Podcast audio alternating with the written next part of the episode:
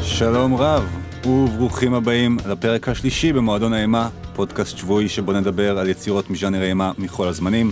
שמי יוסי גולי, והפעם נמצאים איתי באולפן רות מרים כהן, שלום. מפיקת מועדון האימה, שאתם ודאי זוכרים מהפרק הקודם שהוקדש לשלושה מסרטיו של ג'ון קרפנטר. נכון. מה שלומך רות? אה, אתה יודע, אה, מאורהר. אהה, מאורהר. את מכינה את עצמך. כן, היה לי, הנסיעה לאוטו, לפה באוטובוס הייתה אה, מאוד אה, לינצ'יאנית, אני מרגישה באופן כללי שלינץ' רודף אותי בימים האחרונים וזה לא מקרי. כן, קראו לך מספר דברים משעשעים. כן, רק בנסיעה לפה עכשיו אה, באוטובוס קראו לי שלושה דברים שונים. אה, כלבים שלובשים את הביגוד שלך גם. אז עכשיו ראיתי כלב בחיתול. ראיתי אה, אה, איש נוסע על כיסא גלגלים חשמלי עם כנראה מניחה שזו המטפלת הפיליפינית שלו יושבת לידו, ראיתי כאילו, אותם. והוא מסיע אותה בשיא המהירות על המדרכה, ראיתי אותם. ואז ראיתי אה, שתי בחורות שנראו כאילו הן לא ביחד, אבל אין סיכוי שהן לא ביחד, כי הן- נראו, נראה לי שהן היו תאומות זאת, הן גם היו לבושות אותו דבר, אבל כל אחת התעסקה בענייניה בשני צדדים שונים של הרחוב, זה אוקיי, מאוד- אז אני מאוד משונה. קצת מתחיל לחשוב לגבי המשך הפודקאסט הזה, אין לדעת מה יקרה. אה, ובהופעת בכורה איתנו, אה, נדב אפל, היי, מה קורה? מה קורה איתך? הכל בסדר. תציג את עצמך חבר. שמי נדב. אמ, אני במשך הרבה מאוד שנים נמנעתי מסרטי אימה כי אני אדם פחדן.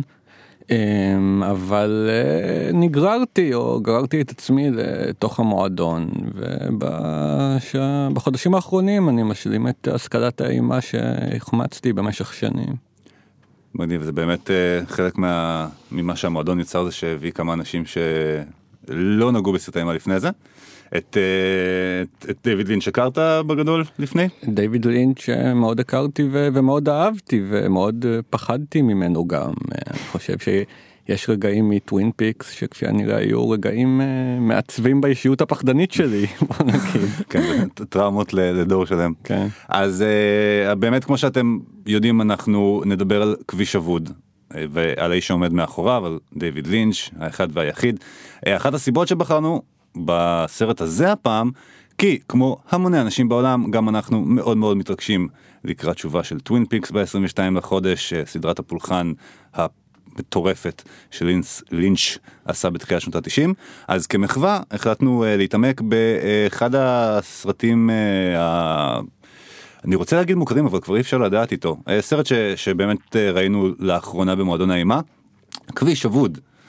אמ, אז אני גם אומר מלכתחילה אנחנו ניכנס קצת לעומק של הסרט הזה יהיו פה ספוילרים. אה, מצד שני לא בטוח אם תגידו לי אם אתם מסכימים איתי או לא אני לא בטוח עד כמה ספוילרים של עלילה יכולים לפגום לא. בחוויה של הסרט לא, הזה כי הוא כל כך לא. אחר שזה זה, זה לא הדגש. כן, גם עם ספוילרים לא מבינים אותו כל כך, אז זה לא, לא הורס שום דבר. אז אה, רק אה, נתחיל עם ככה על, על לינץ' בגדול נעשה נעשה רענון נורא נורא מהיר לינץ' ביים עד כה שמונה פיצ'רים אז אני אפרט אותם ראש מחק זה הראשון בשנת 1977 שלקח לו כמה זמן לביים זה שנים ארוכות. אה, לאחר מכן הגיע איש הפיל זה הסרט שהפך את לינץ' למועמד לאוסקר. שאגב זה זה פער נורא גדול כאילו מ- אה, ראש מחק הוא, הוא ממש סרט כאילו ניסיוני מה, הם- מוזר הם בשניהם אה, בשחור לבן. כן אבל אבל זה שבעקבות ראש מחק איזשהו אולפן גדול החליט לקחת אותו ולתת לו פרויקט כמו איש הפיל אני חושב שזה היה מל ברוקס. מל ברוקס המפיק של של איש הפיל הוא מל ברוקס תמיד היה איש עם חזון אז אה, כנראה. כן אה, כל הכבוד למל ברוקס. אה, אחר כך הגיע העיבוד לחולית שכמעט ושבר את לינץ' לנצח לא כל כך הסתדר לו עם השיטה ההוליוודית אז הוא עבר לקטיפה כחולה. שבעצם אפשר להגיד שהוא קצת קיבע את, קיבע את מה שאנחנו מכירים כסגנון של לינץ'. 1990 הוא זכה בפסטיבל קאן עם לב פראי, אז עבר לטלוויזיה עם טווין פיקס, לאחר מכן ביים את הפריקוול הקולנועי, סרט שמקדים את אירועי הסדרה שנקרא אש הולכת אחריי, ואז הגיעו כביש אבוד, סיפור פשוט, מלהולנד דרייב, ואינלנד אמפייר, הסרט האחרון שעשה ב-2006. אתם אה, ראיתם את כולם, את רובם, את חלקם? אה, אני לא, לא ראיתי את אינלנד אמפייר, אה, אני קצת מתביישת להגיד, אבל זה חור שאני אצטרך להשלים בקרוב. היו לך רק עשר שנים כן. להשלים. עשר שנים, אבל שלוש שעות. כן, זה לא, זה קשוח, זה קשוח. כנ"ל אני גם כן לא ראיתי את אינלנד אמפייר ראיתי את אה, סרטוני הארנבונים שהבנתי שמופיעים בו נכון. והועלו גם בנפרד ליוטיוב והם אה, מאוד הפחידו אותי. גם. כן, אני חושבת גם שראיתי אותם, ואז אינלנד אמפייר יצא, ואמרתי, אני לא בטוחה שאני רוצה ללכת בדיוק. לסרט הזה.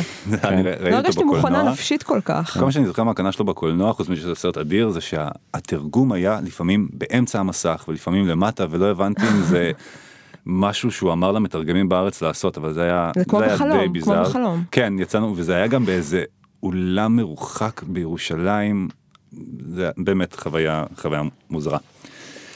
אז דויד לינץ' הוא אחד מהבמאים אה, האהובים לא רק על, על סינפילים ו, וצופי קולנוע אלא גם בעיקר על אה, קהילת האימה. אה, ולמרות שהוא, הוא, קשה לומר שהוא עשה סרט אימה מובהק אי פעם, או סרט מובהק, זה קצת, גם קצת אה, קשוח. כן, אה, היה לנו, היה לנו ויכוח על זה כש, כשתהינו איזה סרט של לינץ' לראות במסגרת מועדון האימה. כי אני, אני זוכרת שאני אמרתי, אוקיי, נראה לי שכביש אבוד הוא הכי מתאים ל...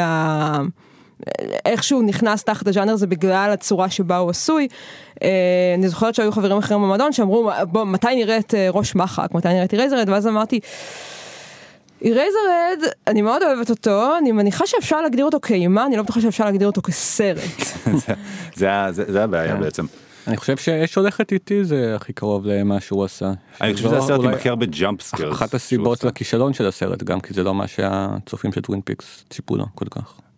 כן, זה באמת היה, היה מאוד מוזר. אני יכול להגיד שכשעשיתי את אה, אה, משאל המבקרים של אה, סריטה לסרטי האימה הגדולים של אלף החדש, שני הסרטים של דיוויד לינץ' נכנסו פנימה, גם מלהולנד דרייב וגם אינלנד אמפייר, למקומות מאוד גבוהים. מצד שני זה היה סקר מאוד מוזר, גם מחבואים נמצא שם ואולדבוי, אז, אז ההגדרות הן באמת מאוד מאוד קשות. אחד הדברים שיותר מאפיינים את לינץ' הוא שהקולנוע שלו לרוב מאוד מאוד מקודד. ומאוד נגיד את זה בעדינות פתוח לפרשנות. אז אה, השאלה היא מה, מה הדרך הנכונה, האם צריך, אה, לדעתכם כמובן, האם צריך אה, לנסות להבין בכוח, או שהחוויה היא גדולה יותר כשפשוט נותנים לזה לקרות? אמ, לי אין ספק בכלל ש... אמ, ל- לנסות להבין את הסרטים של לינץ' זה קצת, זה, זה חוטא להם, זה, זה, זה הורס אותם, זה, זה גם לא מה שהוא רוצה שיעשו, זה... אני זוכרת שכשמלהולנד דרייב יצא, אז אה, ראינו אותו בקולנוע, ו- וכמובן שאף אחד לא הבין שום דבר. ואז מישהו, היה איזה סיפור כזה שהוא חילק לצופים בהקרנות המוקדמות שמונה שאלות ש- שהם צריכים לענות עליהן במהלך הסרט, וזה יעזור להם לפצח את מה שקורה. אני חושב שנתקלתי בזה. כן. היה איזה סיפור כזה, ואז רק מתוך הרמזים האלה, אנשים בנו תיאוריה שלמה של מה קורה בסרט. ואני לא, אני, אני, כשהייתי, כשמלהולנד דרייב יצא, אה, הייתי בתיכון, והייתי בתקופת לינץ' מאוד אובססיבית, כאילו, מאוד אהבתי את אה, כביש אבוד, מאוד אהבתי את אירייזרהד, ו... כל החוויה שלי של הסרטים של לינץ' הם, הם, הם לגמרי, כאילו זה, זה מרגיש לי כמו קולנוע במובן הטהור ביותר שלו, של אדם שהוא אשף של, אמ, של sound and vision והשילוב ביניהם, ו, והדימוי, והוא יוצר דימויים שהם מין דימויי תת מודע נורא אישיים שלו, אבל הם מצליחים להתחבר לך גם לתת מודע. אתה, אתה לא באמת צריך לנסות להבין אותם, אתה צריך לחוות אותם, וכשאתה חווה אותם, אז אתה, אז אתה מקבל את, ה, את מה שהוא רוצה שתקבל. ואם ברגע שאתה יושב אחרי זה ובצורה שכלתנית נורא מנסה, מנסה לנתח ולהבין, אבל פה הרמז הזה ופה הרמז הזה, זה תמיד נופל, גם, גם בכביש אבוד שאנחנו נדבר עליו עכשיו וגם עם מלהולנד דרייב, וכל הסרטים שלו יש, יש תמיד כל מיני תיאוריות וכל מיני אה, אה, אה, תיאוריות, אה, נרטיבים יותר אה, ם- מוסכמים, נרטיבים פחות מוסכמים, אבל אף אחד מהם הוא לא מושלם. כלומר, אף אחד מהסרטים שלו לא מפוצח בצורה של אוקיי, זהו גמור, זה באמת מה שהסרט הזה אומר ומנסה להגיד. תמיד נשאר שם עוד איזשהו פרט שלא באמת מתחבר. כן, שמשבש את, את כל מה שבנית עד לנקודה הזאת. אה, נדב, איך אתה אוהב לראות את הסרטים של לינץ'? כן, אני חושב שכמו הרבה יוצרים מצליחים, הפופולריות של לינץ' נובעת מזה שאנשים שונים מוצאים אצלו דברים שונים, ויש הרבה שרואים בסרטים שלו אה, כתבי חידה שצריך לפענח, זו, זו במידה רבה הייתה הסיבה להצלחה של טווין פיקס והשאלה הגדולה מי רצח את לורה פלמר שזה אותו היה הדבר האחרון שעניין אבל את הקהל זה עניין אני בחוויה האישית שלי קרוב יותר למה למה שרעות uh, מדברת עליו אני חושב שאני מבין את הסרטים של לינץ' לא ברמה שאפשר לנסח אותה במילים שא' ב' ג' אלא בכך שדימויים וסצנות מסוימות פשוט מרגישות שהן נוגעות בי בצורה עמוקה שהיא אולי אישית באמת ויש אנשים שלא יבינו את זה. אבל זה לדעתי מה שמעניק לסרטים שלו את הכוח, כי עלילתית רובם קצת מטופשים, אני חייב לומר, וספציפית כביש אבוד יוצא דופן גם בכך שלינץ' עצמו הסביר על מה עוסק הסרט. ההסבר לא מאוד מעניין אותי באופן אישית ואני לא חושב שהוא תרם לי באיזושהי צורה להנאה מהסרט זה לא זה לא מה שהכי מצאתי בו. תסביר את עניין המטופשים. שמע, זה הסרטים של דיוויד לינץ' הם באופי שלהם סרטים אה, מאוד, אה, רובם סרטים מאוד מלאכותיים ומאוד אה, נוטים למלודרמה, לטוויסטים די מופרכים, הרבה פעמים מתכתבים גם עם ההיסטוריה של המלודרמה ו... ומספרים סיפורים לא מאוד משכנעים ודי מלאים בקלישאות, אם תסתכל על כביש אבוד למשל שנדבר עליו, זה אוסף של קלישאות פילם נואר. מההתחלה עד הסוף שנעשו בצורה כבר יותר טובה לפני 70 שנה נגיד הוא לא מחדש שום דבר באיך שהוא מספר סיפור או בונה עלילה נרטיבית הוא מחדש בדימוי הטוטלי שהוא מציג ובחוויה שהוא מעביר אותנו ובמרחב הזה שהוא מכניס אותנו לתוכו ונראה לי שזו גם הכוונה שלו רוב הזמן. אז באמת אם, אם מסתכלים על הסרטים של דיוויד לינץ' רואים שאפשר בגדול בצורה מאוד מאוד בסיסית כן. לשייך אותם לאיזה שהוא ז'אנר או תת ז'אנר אם זה ביוגרפיה הקולנועית של איש הפיל או מדע שהוא חולית או סרטי מסע שהם לב פראי ו- וסיפור פשוט. אבל כן הטוויסט הזה שלו הוא כן משתלט עליהם בעיניי לפחות. זאת אומרת הוא כן הופך אותם לאיזה משהו מאוד מאוד יוצא דופן וגם אה, כבר דיברו המון על, על הסאונד שלו שנורא מאפיין המין רעשים תעשייתיים האלה ש, שמופיעים. אבל בסופו של דבר זה נורא מצחיק כשמסתכלים על, אה, על, על הסרטים של דויד לינץ' כאיזושהי מקשה אחת, כשבעצם הם נורא נורא שונים אחד מהשני, והם אפילו לא, הם אפילו לא, לא זהים במוזרות שלהם. כאילו לכל אחד יש את, ה, את, ה, את השיט שלו, ואני חושב שיש, זה, זה, לדעתי זה איזשהו מין אה, צורך גם של אנשים לעשות סדר כשאנחנו חווים משהו אנחנו רוצים לסדר אותו ושהוא יישמע לנו הגיוני אה, וגם כאנשים שאוהבים אוהבים אומנות אוהבים לראות איזשהו רצף ומכלול גדול אז כן מנסים בכל זאת לייצר איזשהו נרטיב אצל במאי ודווקא אצל לינץ' שהוא מתעקש לעשות לנו חיים מאוד מאוד קשים בהקשר הזה. אה, אתם חולקים עליי לחלוטין? אני אני חושבת שמה אה, שאתה אומר לא לא. אני כאילו מסכימה ולא מסכימה, אה, כי באמת יש לו, יש לו הרבה סרטים שהם נורא שונים אחד מהשני, אבל יש לו גם כמה סרטים שכביש אבוד הוא אחד מהם שהם לגמרי נמצאים, הוא אפילו בעצמו אומר, הם מתקיימים באותו יקום. כלומר, כביש אבוד אה, מתקיים ביקום של טווין פיקס. Uh, וגם מלהולנד דרייב וגם אינלנד אמפייר. וגם קטיפה כחולה. קטיפה כחולה הוא, הוא, הוא, מלפני והדימויים בו הם קצת שונים והנרטיב בו הרבה יותר ישר.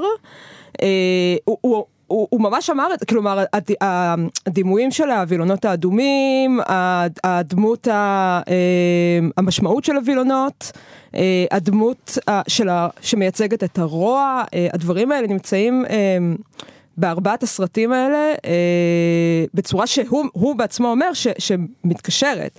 כלומר, לצורך העניין, אם פרד מכביש אה, אבוד היה נוסע אה, צפונה לעיירת טווין פיקס, הוא היה יכול לשבת שם על אה, כוס קפה עם, עם אודרי הורן. בעצם כל מה שאנחנו מדברים עליו זה, זה טווין פיקס ואילך. כן. ש, ששם התרחש איזשהו שינוי. אה, כן. אני, אני הייתי כן מכניס לרשימה הזו גם את קטיפה כחולה, כי הסרטים של לינץ' אני חושב החל מקטיפה כחולה, אה, כשיוצא דופן יהיה סיפור פשוט, אבל הם, הם שונים בתוכן ובסיפורים, אבל הם מתרחשים באותו עולם, קודם כל במובן שאני חושב שהם מתרחשים בסוג של היסטוריה אלטרנטיבית מבחינה תרבותית, שאפשר לומר במידה מסוימת ששנות ה-60 אף פעם לא התרחשו בה. זה בהווה אבל אנשים עדיין חיים במעין אמריקנה קלאסית שומעים מעין מוזיקת uh, קיץ' ג'אזית כזו מתלבשים כמו פעם, רוכבים על אופנועים עם מעילי אור, מדברים במעין צורה קצת אה, מכובדת כזו, אם נרצה. ו, ו, ויש מוטיבים אה, שהם מאוד בולטים בעולם הזה, אם זה המוטיב של הרוע המוחלט הזה שכל פעם מציץ בהפתעה, אם זה המוטיב של הכפילויות, שגם קיים כמעט בכל יצירה שלו מאז.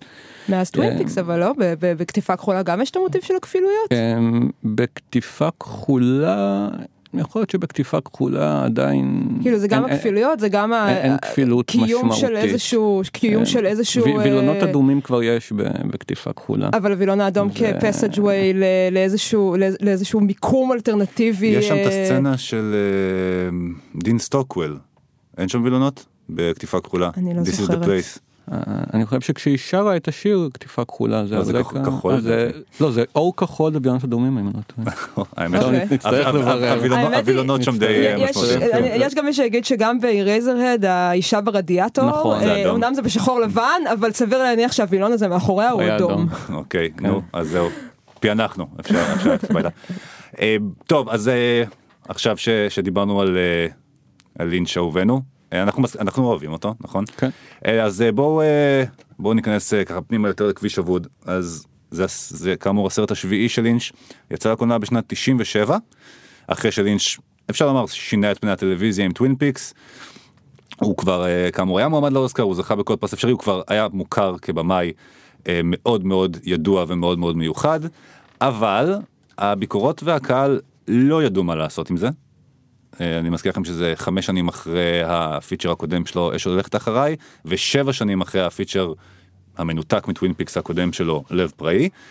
בבוקס אופיס מוג'ו שמאגד את, את ההכנסות של הסרטים ל Lost Highway יש אה, הכנסות של פחות מארבעה מיליון דולר.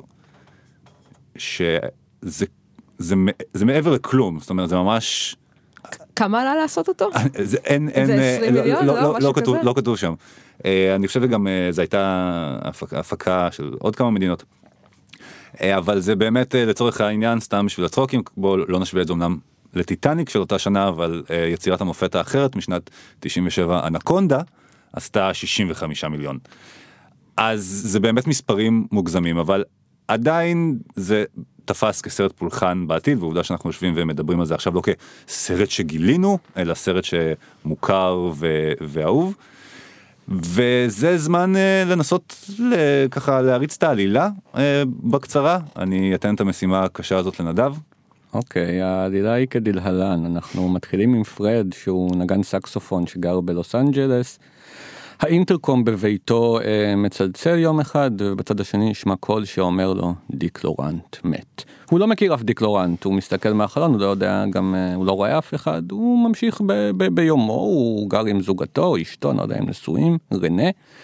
ובבוקר שאחרי הם מקבלים לביתם קלטת וידאו שבה רואים אה, את הבית שלהם, צילום של הבית שלהם, משם העניינים מתחילים. להסתבך הם מקבלים עוד קלטות שפתאום מצלמים אותם בתוך הבית מצלמים אותם ישנים זה נהיה יותר ויותר מאיים יותר ויותר אינטימי. בשלב מסוים הם הולכים למסיבה אצל uh, חבר uh, של רנה אשתו של פרד בשם אנדי שם uh, פרד פוגש את הגילום של כביש אבוד לרוע מוחלט שמי שמכונה איש המסתורין אין לו שם בסרט בקרדיט הוא מכונה את ה mystery man. שפונה לפרד אומר לו אנחנו מכירים פרד אומר לו אני לא חושב הוא אומר לו כן נפגשנו אצלך בבית אתה יודע מה אני אפילו אצלך בבית עכשיו. פרד אומר משהו פה לא בסדר כן אבל הוא אומר אתה לא מאמין לי תראה. קח את הטלפון שלי ותתקשר הוא מתקשר. טלפון הנייד הענק של שנות כן, ה-90 כן, הוא ממש שלף את זה. מהבחינה הזאת בהחלט סרט מ-97. פרד מתקשר הביתה ואכן איש, איש המסתורין עונה לו שם. בשלב הזה פרד כבר לגמרי לא, לא מרוצה מהמתיחה הזו הולך למארגן המסיבה שואל אותו מי זה האיש הזה הוא אומר לו זה חבר של דיק לורנט אני חושב כן אותו דיק לורנט שמההתחלה. הוא אומר לו דיקלורנט מת מה פתאום. בקיצור לפרד נמאס מהשטויות. כועס חוזר הביתה. מבין אותו כן. ביום שאחרי מקבל עוד קלטת וידאו. מתבונן מה הוא רואה מצטלמים בתוך הבית, בתוך הבית, המצלמה הולכת, זוחלת כזה בתנועה לינצ'ית, אה, במסדרון הצר, אל חדר מרחפת. השינה, מרחפת, נכון, מגיעה לחדר השינה, ושם גופתה המבוטרת של רנה ופרד קורע מעליה. השלב הבא, בום, פרד מקבל מכה, הוא בחקירת משטרה, מואשם ברצח של רנה, אנחנו לא רואים את המשפט, הוא צולם אבל נחתך בפיינל קאט. נשמע בסאונד. כן, כן, היה, היה, זה היה במקור צולם הכל אבל ירד. אמ, נגזר עליו גזר דין מוות, הוא מחכה לה- להוצאה להורג בכיסא החשמלי, מתחיל לקבל כאבי ראש, ולפתע הוא נהפך, הופך לאדם אחר. אדם בשם פרד, אה, פיט. אדם בשם פיט, מאחר ופיט לא רצח את רנה, השוטרים, השוטרים משחררים אותו, כן? טקטיקת הגנה טובה. כל- כל התהליך של אה, רשויות החוק בסרט הזה כן, נראה כן. נראה מפוקפק. כן, פשוט השוטרים גם בעצמם לא, לא, הם לא מבינים, כן. הם לא מבינים שהם, מה קורה, הם בסרט של דיוויד לינץ' והם לא, אף אחד לא אמר להם, הם קצת אנחנו כאילו באיזשהו מקום. הנרי רולינס שם באיזשהו מקום. כן, הוא הסוהר. הוא הסוהר, כן, אבל הייתי סומך על הנרי רולינס שידע מה עושים במצב הזה, אבל גם הוא קצת אבוד. בקיצור, פיט משתחרר. פיט הוא מוסכניק צעיר. אמ, לפיט יש אה, קליינט בשם Mister אדי שמחבב אותו בצורה קצת אה, אבהית ומאיימת בו בזמן, הוא סוג של מאפ- מאפיונר. ולאותו Mister אדי יש חברה בשם אליס, שנראית בדיוק כמו אותה רנה שפרד רצח, רק שהיא בלונדינית. מה שהופך אותה לאיומה ומפחידה עוד הרבה יותר. כי אנחנו בהחלט. יודעים שהבלונדיניות, הם- בהחלט, ביקום האנואר זה בהחלט אה, סכנה. רואה בלונדינית, ברח. כן, כן. אה, וכן זהו זה ומשם דברים רק הולכים כן, ומסתבכים. כן, וזה באמת הופך להיות אפילו מוזר מכאן אז אז קודם כל אה, אנחנו מגלים באיזשהו שלב שאותו מיסטר אדי הוא דיק לורן לורנט, נכון נכון. כן, השוטרים מגלים לנו את זה. אוקיי. אומר, "אה, מה- מה- מה דיק לורנט עושה פה? כי נגיד כבר מההתחלה כשתיארת את העלילה אני הייתי תוהה האם הדיק לורנט is dead הוא באמת זה, זה באמת כרונולוגית ואז אנחנו מתחילים את העלילה או שמא זה פלשבק איזה bookend שנזרק לפני כאילו זאת אומרת אין לנו שום אינדיקציה לכך שהעלילה תקלט את הוידאו אבל יש לנו, כי- כן. כי בגלל זה פרד במסיבה אומר, אה, שמעתי שדיק לורנט מת. אבל האם האם זה בטוח באותה נקודת הזמן כלומר, הוא שמע שדיק לורנט מת לפני המסיבה, זה בטוח. כן אבל עבר אני לא בטוח אם ה... מה שקרה בין סצנת הפתיחה עד למסיבה כאילו זה אם זה לא איזה משהו אם זה חלק משם או אפילו משהו שבכלל קרה אבל זה כבר טוב, אולי אתה יכול להגיד את כן, זה, זהו. כן, אנחנו נגיע זה ל... זה אפשר לומר את כל זה. אגב, הסצנת הפתיחה הזו מבוססת על דבר אמיתי שקרה ללינץ', כן. שצלצלו לו באינטרקום ואמרו לו, דיוויד, דיק לורנט מת. והוא- ואז הוא הלך לראות והוא לא ראה אף לא אחד. ראה אף אחד. ומשם היה לו אבל- רעיון לסרט. כן. אגב, ועוד משהו זה, כש- כש- כשצפינו בסרט ביחד, אני זוכרת, אה, כל החלק הראשון של הסרט שמתרחש בדירה שלהם, הכל שם מאוד אה, לא הגיוני ומוזר, ואני זוכרת שמישהו גם אמר, "מי- מי- מי בכלל גר בדירה כזאת? כן. הדירה שייכת לדיוויד לינץ'. באמת? כן, היא הייתה שייכת לו במציאות, אה, הוא ריהט אותה, הציורים על הקירות הם, אה, זה- זה זה הבית של דיוויד זה לינץ'. מה נראה שהבנתי זה מבוסס על הבית שלו, זה לא באמת. לא, לא, הלוקיישן בית שבו זה צולם, וזה דירה שבאמת הייתה שייכת כן, לו. לא, אוקיי. כנראה לא היה אגב, גם לא הרבה תקציב. הווילונות האדומים גם מופיעים שם כן, בדירה. אגב, ראוי לציין, מה שאמרתי על הפילונות האדומים כפסג'ווי, כשהם חוזרים הביתה מהמסיבה, אה, יש סצנה מאוד ארוכה, שבה אה, פרד אה, הולך לווילון האדום, נעלם, חוזר לווילון האדום, ואז למחרת בבוקר כבר יש את הקלטת שבה רינה נרצחה. כלומר, יש, יש תיאוריות שיגידו ששם, זה בעצם הנקודה שבה אה, הנרטיב אה, מתבלבל, הנרטיב כן, הופך להיות לא כי זה אמין. גם עוד שאלה כי גם ראיתי את הסרט הזה כמה פעמים וגם פעם אחת בקולנוע בהקרנה בסינמטק ירושלים. האם אנחנו יודעים בבדחה שפרד הרג את רנה? זאת אומרת הוא, הוא מתבוסס בדמה וצועק השמיימה אבל אני יכולה להגיד לך שאני, הפעם הראשונה שראיתי את הסרט בגיל הנעורים, אמ, מאוד קיבלתי את כל מה שקורה בסרט בפייס value לחלוטין, וכן, האמנתי לו שהוא, שהוא, שהוא כמונו רואה את הוידאו, ול- וכמו שהוידאו לא היה, לא, לא היה הגיוני לפני זה, כן. לא, הוא לא הגיוני גם יש, עכשיו. יש לו גם גפים בזיכרון כן. אז אז אנחנו לא באמת יודעים אם הוא לא הואשם אה, שלא עו- עוול בכפו.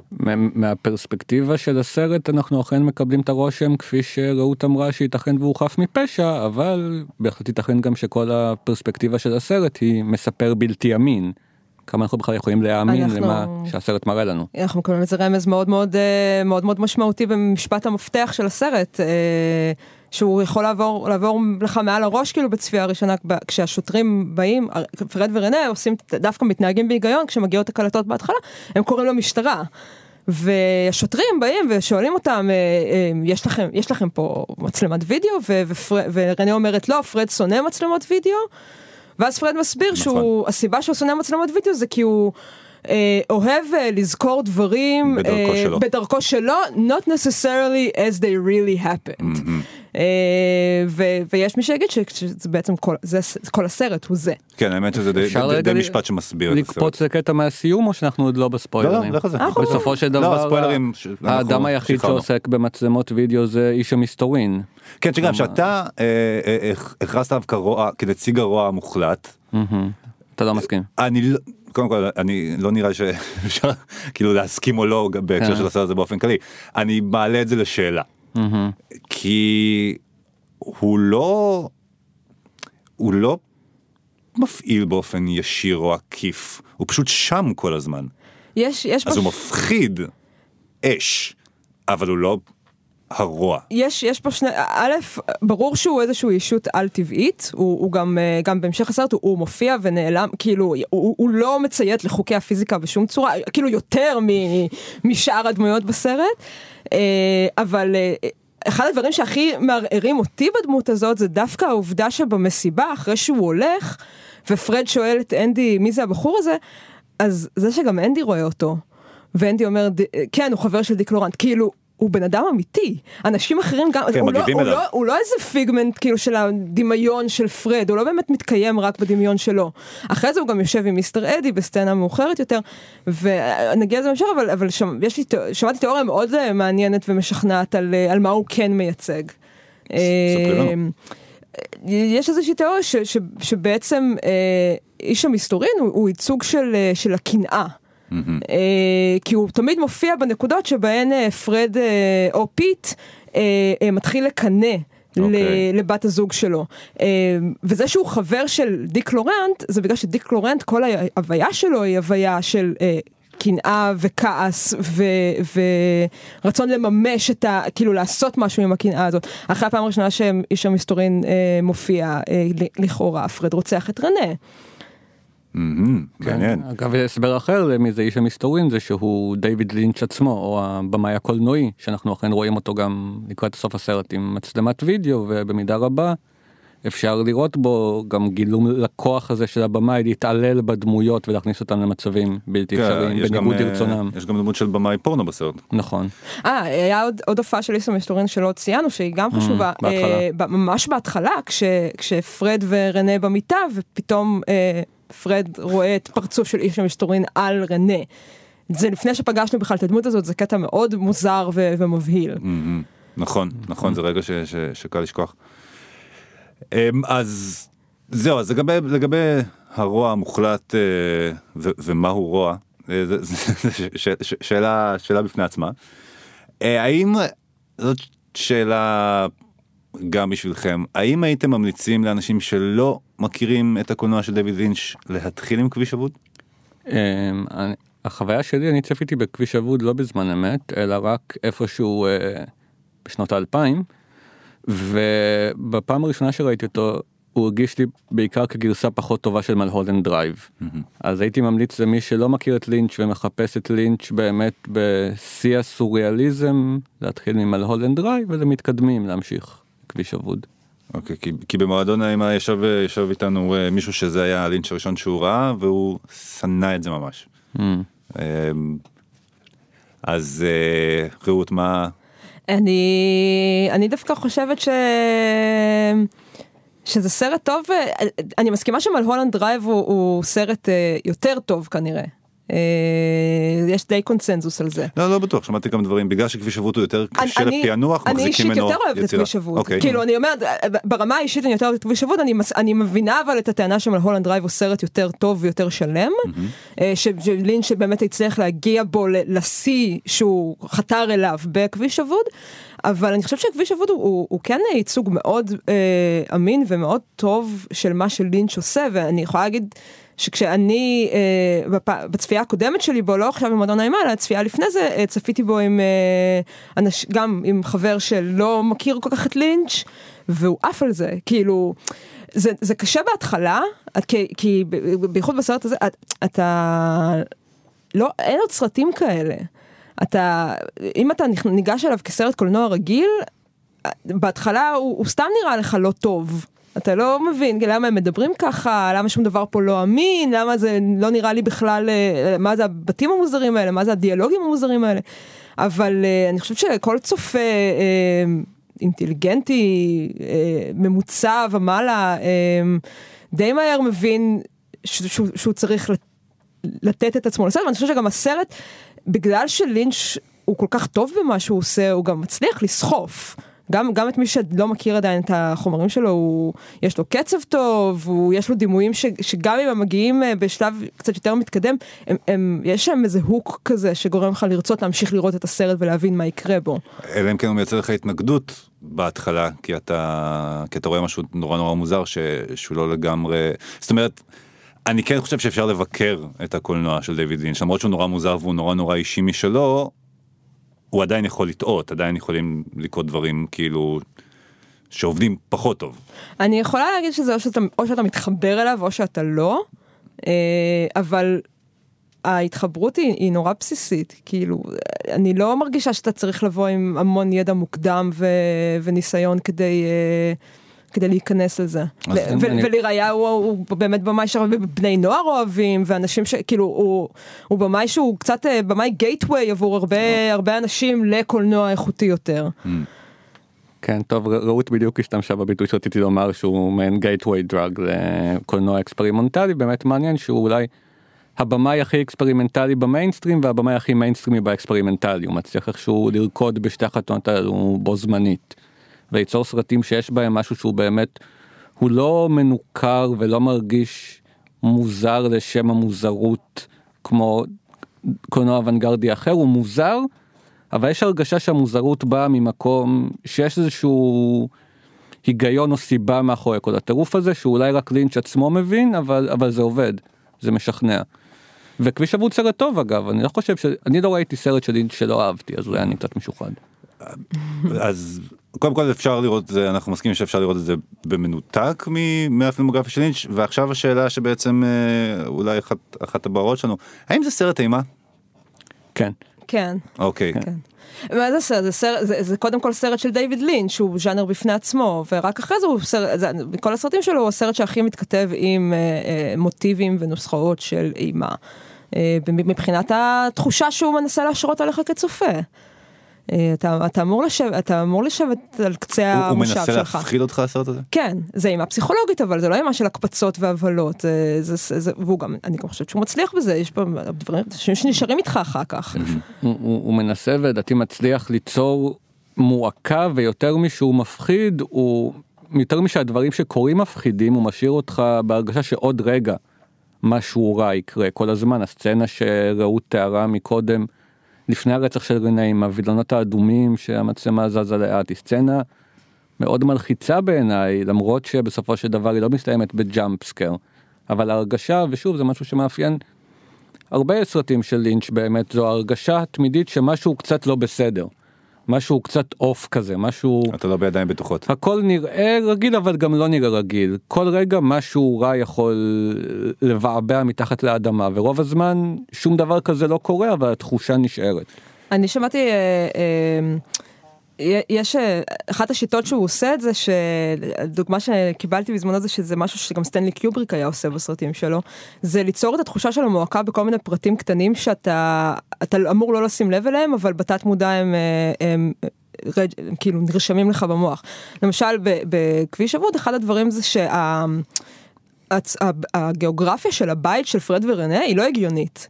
כאילו הם הולכים מחדר אחד לשני, אה, אתה רואה אותם מסתובבים בבית וזה לא הגיוני כאילו שעכשיו הוא מגיע מהצד הזה ולא מהצד הזה. נעלמת בתוך השיכה באיזשהו שלב. כן, משהו שם כאילו, וזה נעשה כדרך אגב. הדוגמה ש, של, של, של קיוברק שהוא עושה את זה זה בתפוז המכני אה, בסצנה שהוא, שאלכס מבקר את הזקן ושותה את היין. והכוס יין שהוא שותה, שנמצאת על השולחן לידו, כל פעם שהסצנה חוזרת אליו, אה, זה כוס אחרת. זה כל פעם כוס אחרת וגם היין וזה, וזה, וזה לא בעיה של continuity, זה קיובריק עשה את זה בכוונה. אה, ו- וזה טריק של, של לינץ', אני חושבת שלינץ' הוא אחד התלמידים, הוא תלמיד של קיובריק אה, באיזשהו מובן אה, אה, בדברים האלה. הם נמצאים מבחינתי באותו, באותה ספירה. אה, הוא משתמש בזה המון, ש... ש- יש משהו לא בסדר כל הזמן בתוך הסצנות ובתוך הצורה שבה הדמויות מתנהגות, אבל זה לא דופק לך בראש, כאילו זה לא מוקצן מדי. אז בעצם אנחנו מדברים פה די הרבה ולא אמרנו, כאילו אנחנו מציגים את זה כאיזושהי יצירה נורא נורא שלמה, אבל יש גם דברים פחות מוצלחים בכביש אבוד, נכון? אני חושב שבגדול החצי הראשון, החצי של פרד הוא יותר טוב. אוקיי. והוא יותר לינצ'יאני מכל הבחינות שדיברנו עליהן עד עכשיו. ב- ב- בחצי של פיט לפעמים התחושה היא שבאמת, אני יודע, ההומאז' הזה לסרטי נואר הלך צעד אחד רחוק מדי וכבר... וזה נהפך קצת לעוד, ברגעים מסוימים קצת מרגיש כמו עוד סרט מתח פשע קצת בנאלי לקראת הסוף הטירוף חוזר הוא ו... גם מאוד ארוך. הוא מאוד ארוך שעתיים ורבע. כן. כן. אני, אני דווקא אוהבת את החצי השני, אבל אה, זה כאילו, הסיבה שלי היא קצת...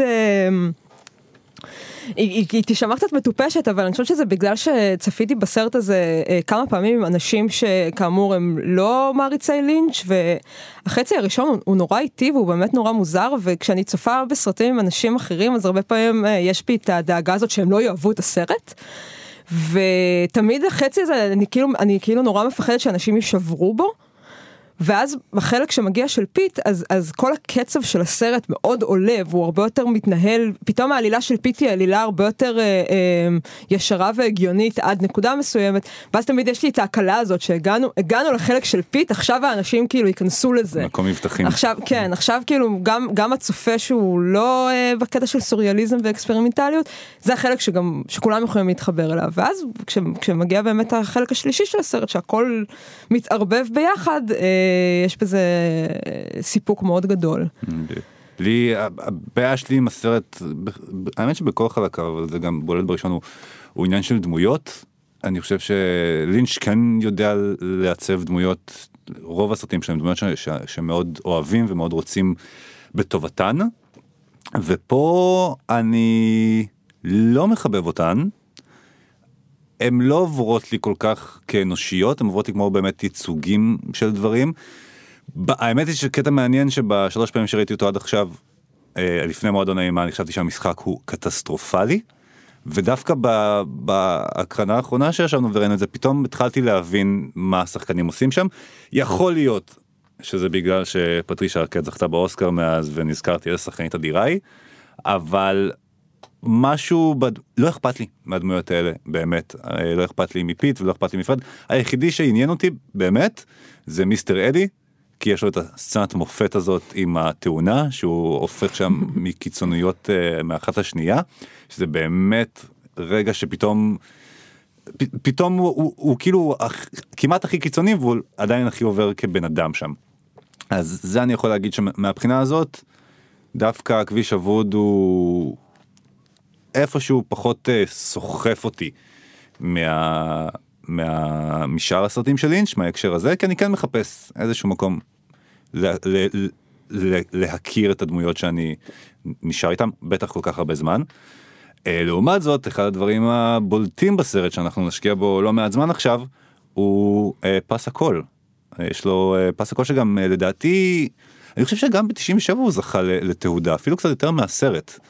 גם כי מרלין מנסון הוא מופיע בסרט אה, אני חושב שזה הופעת הבכורה שלו בתפקיד אורח אה, אבל גם אה, שילוב מאוד מאוד מעניין של של יוצרים גם כחלק מהפילמוגרפיה של דיוויד לינץ' וגם במנותק אז נדב אתה סוג של מומחה המוזיקה של העולם ואז מה מה לדעתך גורם לסרט הזה להיות כל כך הוא- שהוא כל כך מהדהד גם אחרי הצפייה בזכות המוזיקה שלו. אמ, באופן כללי בסרטים של לינץ' למוזיקה יש תפקיד מאוד מרכזי לפסקול זה לא תמיד מוזיקה אבל לצלילים ולרעשים אין כמעט סצנות שקטות. והשימוש שלו במוזיקה הרבה פעמים in your face שוב פעם קצת מלאכותי כמעט מיושן באיך שהוא מכניס שירים מסוימים או צלילים מסוימים כדי לשחק עם ההרגשות שלך בצורה כמעט אה, מניפולטיבית, זה משהו שחוזר אני חושב לאורך כל הפילמוגרפיה שלו כמעט. והפסקול של כביש אבוד אני חושב הוא קצת יוצא דופן, אה, הפיק אותו טרנט רזנור מ-9 inch nails. זוכה האוסקר. זוכה האוסקר.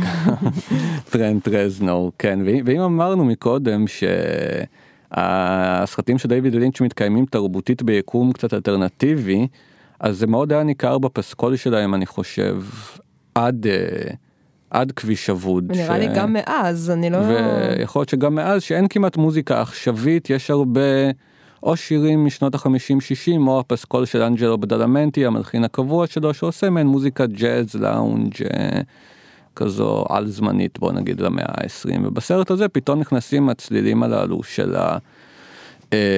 industrial הזה שהיה מאוד אופנתי באותה תקופה גם עם 9 inch nails, רמשטיין, מרילין מנסון, דיוויד בואי בתקופת ה industrial שלו ויוצרים קונטרסט מאוד מעניין עם, ה...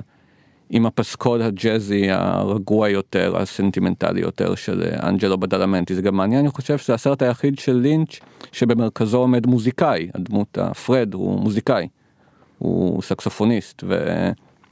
ויש לזה חשיבות אחת מהסצנות uh, הזכורות מהסרט זה ההופעה שלו שמוצגת בת, יחסית בהתחלה. שהוא רוקיסט שהוא... אה, סקסופון. בדיוק יוצר מעין ג'אז אקספרימנטלי אני זוכר שכשצפינו בזה אז מישהו במועדון אה, העיר שהוא הקהל רוקד כאילו בהופעת רוק או פופ אבל למעשה מנגן שם איזשהו free jazz לגמרי אטונאלי.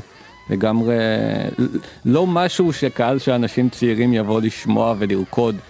בשנות התשעים. אני חושבת שזה גם ה jumpscare היחיד בסרט, לא? זה כאילו התחלה, הכל נורא שקט, פרד ורנה ממש מדברים בלחישות.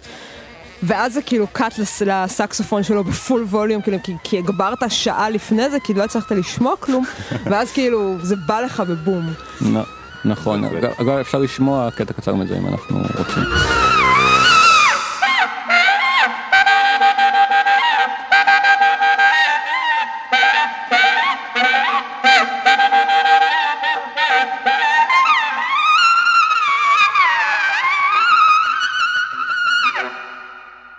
באמת באמת לא משהו רקיד במיוחד. כן לפחות לא במסיבות שאני יוצא אליהם. אמ, עניין נוסף שאני חושב שהוא מעניין בסרט הזה ומתקשר לתמה של הכפילות וחילופי הזהויות זה השימוש של לינץ' בקאברים בפסקול יש שלושה שלוש גרסאות כיסוי בפסקול. אה, לו ריד עם This Magic Moment של בני קינג שנשמע כשפיט אה, רואה את אליס לראשונה. יש את מרילין מנסון עם I, I put a spell on you ו-This Mortal Coil עם, עם Song to the Siren. שזה אני, ב, ב, אני רוצה להצביע על זה שרק בהקרנה האחרונה שמתי לב שהשיר, אני זכרתי אותו כמובן מסצנת הסקס במדבר המרהיבה הזאת בסוף, אבל הוא הופיע, הוא הופיע לפני, הוא בעצם מין לייטמוטיב שנשתל. הוא מופיע בסצנת, בסצנת סקס בהתחלה. בסצנת סקס בהתחלה, ואז פתאום אמרתי כזה, אה רגע, כן. האיש הזה יודע מה הוא עושה. אמ, אז כן, והבחירות אה, של לינץ' בקאברים, אה, Song to the Siren זה מקרה קצת שונה, אבל שני האחרים זה בחירות של קאברים לשירים שהם במקור שירים, אה, שירי אהבה די נחמדים כאלו, די מלודיים ורקים משנות ה-60, והוא שם אותם בגרסאות עכשוויות משנות ה-90. שנשמעות די מעוותות, נשמעות אה, כמו כאילו שהסנטימנטליות נסחטה, עוקמה מתוכם. והפכה פתאום למשהו אחר, שזה במידה רבה אחת האימות המרכזיות בסרט של לינץ', התום והתואר שמושחתים. אנחנו שומעים את זה אה, גם ברמה המוזיקלית. כמו ה-uncanny valley, משהו שהוא כן. מוכר אבל לא משהו, שם, משהו שלא מסתדר. אה, והסרט נפתח עם, אה, עם דויד בוי. נכון, נכון. I'm Deranged שגם מופיע בשתי גרסאות, הוא נפתח ומסתיים עם עם דיוויד בואי, I'm deranged, שיר שבדומה ל... לסרטים של לינץ', קשה להבין מהמילים בדיוק במה הוא עוסק, אבל ניתן להרגיש ש... שמשהו לא כל כך בסדר שם. אמ, כשאגב האלבום עצמו מתוך, השיר עצמו מתוך אלבום קונספט, Outside, שעוסק ברוצח סדרתי שרוצח בשם האומנות, שזה שוב מתקשר לפרד האומן ש- שרוצח. שרוצח גם. אולי, מי אולי, יודע. כן. לא מאשימים אבל אותו. הוא לא עשה את זה. אנחנו לא יודעים. אתם גם, אני זוכר לפני הקנדה גם התלהבתם, מה... התרגשתם מעניין, ה... מעניין רמשטיין.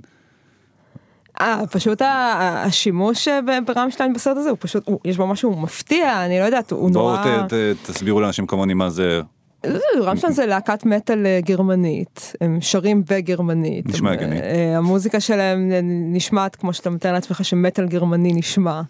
אה, והם פשוט, אה, אה, גם השימוש בהם בסרט וגם השימוש במרלין מנסון אה, זה בשלב מאוד מאוחר של הסרט ויש בו משהו, הוא, הוא, הוא, מפתיע, הוא כאילו, הוא, הוא מפתיע, הוא, הוא, הוא מרגיש לא קשור ועם זאת נורא קשור, הוא, הוא מכניס עוד מימד מאוד מאיים אה, לסצנות שזה קורה בהן. אה, זה, זה איפשהו מעניק תחושה שלאט לאט הקירות של, ה, של הפנטזיה שמשהו עוד יכול להסתדר או, או להרגיש נכון שנבנו במהלך הסרט כבר קורסות לחלוטין הקטעים האלה באמת מגיעים כבר לקראת הסוף כשברור שמכאן שום דבר טוב כבר לא יקרה.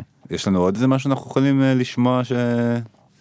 אמ, בהקשר למה שאמרתי מקודם אני חושב שמעניין אם יש לנו זמן לשמוע באמת את ההבדל למשל בין הגרסה המקורית של This Magic Moment של בני קינג לבין הגרסה של לו ריד. אז אוקיי, אז בוא נשים קודם את הגרסה, מה אתה מעדיף להתחיל עם הגרסה המקורית או נתחיל עם הגרסה הגרסה המקורית ואז נראה מה לו ריד עשה מזה. אוקיי.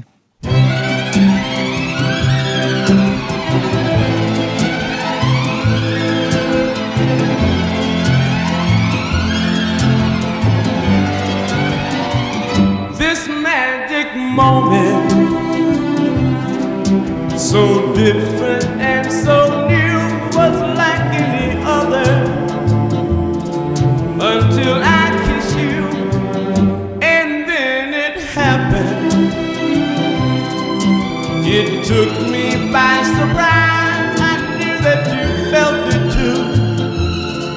By the look in your eyes sweeter than wine אז זה כאמור הגרסה המקורית של This Magic Moment של בני קינג והדריפטרס מ-1960 שבאמת נשמע כמו משהו שאנחנו מצפים לשמוע בסרט של דיוויד לינץ' הוא מאוד אוהב את הקיץ' הטרום רוקי הזה. כן, אמריקנה כזה. כן, ו- ומעניין שפה בסרט הוא דווקא לא בחר בגרסה ה- המתוקה והמלטפת הזו, אלא במה שלו ריד עשה, עם השיר הזה שכבר נשמע די שונה. זה משהו שלוריד עשה במיוחד לסרט או שזה... לא, הוא עשה את זה כאלבום מחווה לדוק פומוס שכתב את השיר. אוקיי.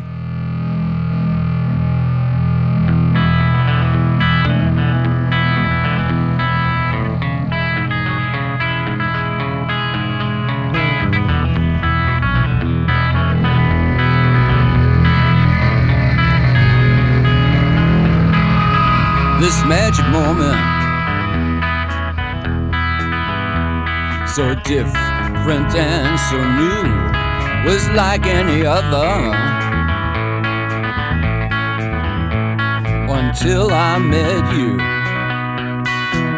and then it happened. It took me by surprise. I knew that you felt it too. I could see it by the look in your eyes. Sweeter than wine. כן, אני חושבת שהדואליות הזאת, אה, דיבר, דיברנו על זה קצת מקודם, אבל אה, זה באמת מוטיב אה, מאוד חזק אצל לינץ', גם במוזיקה, אבל גם כמובן בסרט הזה נורא ברור בדמויות, שכל הדמויות הראשיות הן קיימות אה, פעמיים. אה, אה, פרד הוא פיט, אה, רנה היא אליס, כאילו גם אותה שחקנית, ומיסטר אדי שהוא כמובן דיק לורנט. אה, שזה מה שאמרנו קודם, וזה מה שהם שיחקו איתו, לדעתי זה גם משהו שהוא התחיל איתו מטווין פיקס, אה, עם המשחק של אה, לורה פלמר, שמשוחקת על ידי אותה שחקנית כמו אה, בת דודה שלה, אה, מדי. אה, וגם שם זה המעבר מצבע שיער כהה לצבע שיער בהיר, זה כל מה שמבדיל בין הדמויות, אבל הן לא אותה אחת. כן, וזה גם ממש, יש עולם שמקביל לשלנו, לשלנו, שקורים בו דברים שהם קצת דומים, אבל לא, זאת אומרת, העולם של, ה, של, של הגמד, העולם של בוב בעצם. זה גם חלק מה... או של המיסטרי מן. כן. כן, בכביש אבוד גם הדואליות היא בסרט בתוך סרט שיש שם. אנחנו רואים סרט ובתוכו מישהו מצלם סרטים. ואנחנו לא בטוחים מה, מה בעצם, מתוך איזה עולם באים הסרטים הללו. שפרד רואה. אז רגע, אז בעצם, מה, מה הסיפור, ס- ל- ל- לפענוחכם, הסיפור עם, עם אליס רנה, זה שני אנשים שונים, כי יש את התמונה הרי, שלה ושל אחותה, זה איזשהו אבל, הש, אה, השלכה של דמות שנראית כמו דמות אחרת, מה, מה, מה הלך שם? אני חושבת שאם אתה אה, הולך לפי ההיגיון שמה שהשוטרים רואים אה, זו, זה, זה העולם האמיתי ולא עולם שמושפע מנקודת המבט של פרד slash פיט, אז אה, יש רק אחת. הם מסתכלים בסוף על התמונה וזו הסיבה היחידה של סצנה, הם מסתכלים בסוף על התמונה ויש רק אחת. ועכשיו מה שמדהים זה שמה שאומרים זה, זאת לא אשתו של פרד מדיסון, כן, ואז השני אומר, כל הבית הזה מלא בטביעות אצבעות של פיט. כלומר, שניהם גם קיימים. זה, כן. זה בדיוק המקום שאני אומרת, אתה, אתה יכול לבנות המון המון תיאוריות על, על מה אמיתי ומה לא אמיתי, אבל, אבל לינץ' זורק כן. את הכל, הוא, אני- הוא, הוא, הוא לא נותן לך אני לפתור חושב את זה. ברגעים כאלו זה ממש ברור שהוא עשה את זה בכוונה. בשביל שחס וחלילה מישהו לא יצליח למצוא איזשהו היגיון קוהרנטי זה, יש זה. בזה מן המרגיז. לא. לא, כן. אתם לא מרגישים שזה כאילו... במאי ש...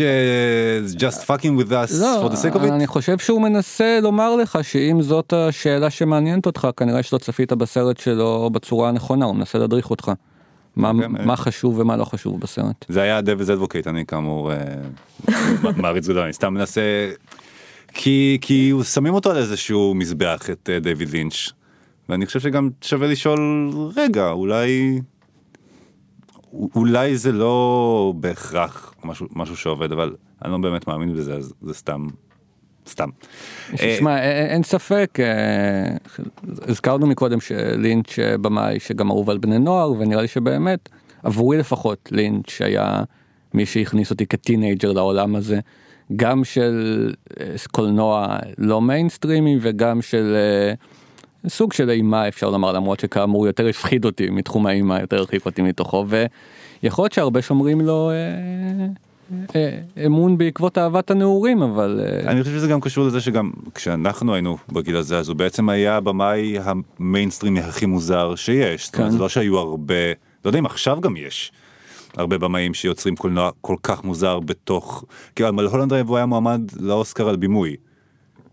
והפסיד לרון האווארד, אבל כאילו זה- זה ממש אה, כאילו אימצו אותו למרות שהוא באמת אין אין מישהו שעושה דברים בקליבר אה, כזה שיוצא ל... תשמע, אני חושבת שכל הקיום של דיוויד לינץ' הוא לא הגיוני קצת באיזשהו מקום, כאילו תחשוב על זה, הוא במאי מאוד מאוד מוערך, עם זאת הסרטים שלו לא עושים כסף בכלל. בכלל. אה, מצד שלישי אה, מישהו כל פעם שם כסף על הסרטים האלה כלומר יש יש איזשהו כוח עליון שדואג לכך שהסרטים האלה ייווצרו. זה מהמדיטציה הטרנסצנדנטלית. מבחינה כלכלית אין אין לזה שום הצדקה.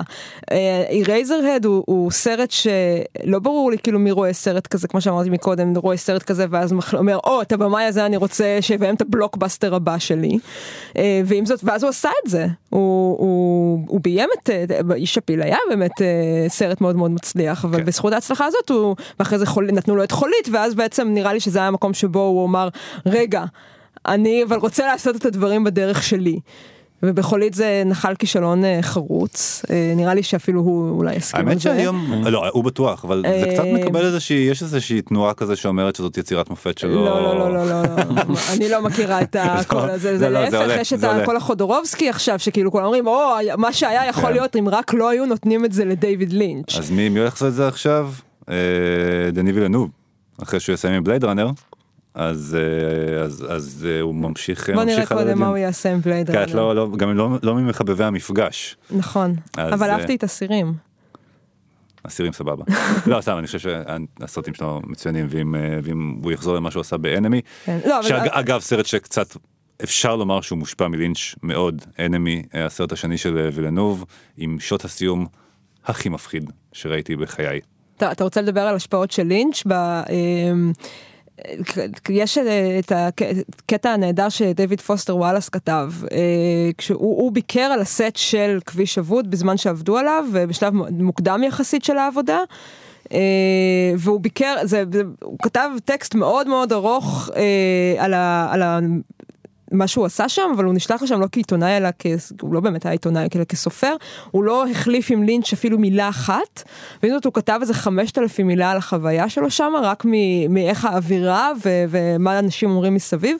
והוא אה, אומר שם משהו שאני בכלל לא חשבתי על זה ככה, אבל, אבל הוא כתב את זה בזמן אמת, אז אני מניחה שיש בזה איזושהי אמת היסטורית, על, על כמה שבמאים כמו קוונטין טרנטינו חייבים את הקריירה שלהם לדיוויד לינץ', אה, אה, כמה אה, מהדברים שלינץ' עשה השפיעו על הבמאים הגדולים של שנות ה-90, כמו טרנטינו, כמו האחים כהן אפילו, אה, אה, היכולת הזאת אה, אה, לשחק עם עם הטון של הסרט, להכניס אה, אה, הומור בנקודות אה, אה, נורא אפלות. אה, לה, לה, הדיבור האגבי הזה פתאום על נושאים שלכאורה לא קשורים לסרט והם נורא מנותקים ואז הכל נכנס בפנים. כל הסגנון הזה זה סגנון של לינץ' המציא.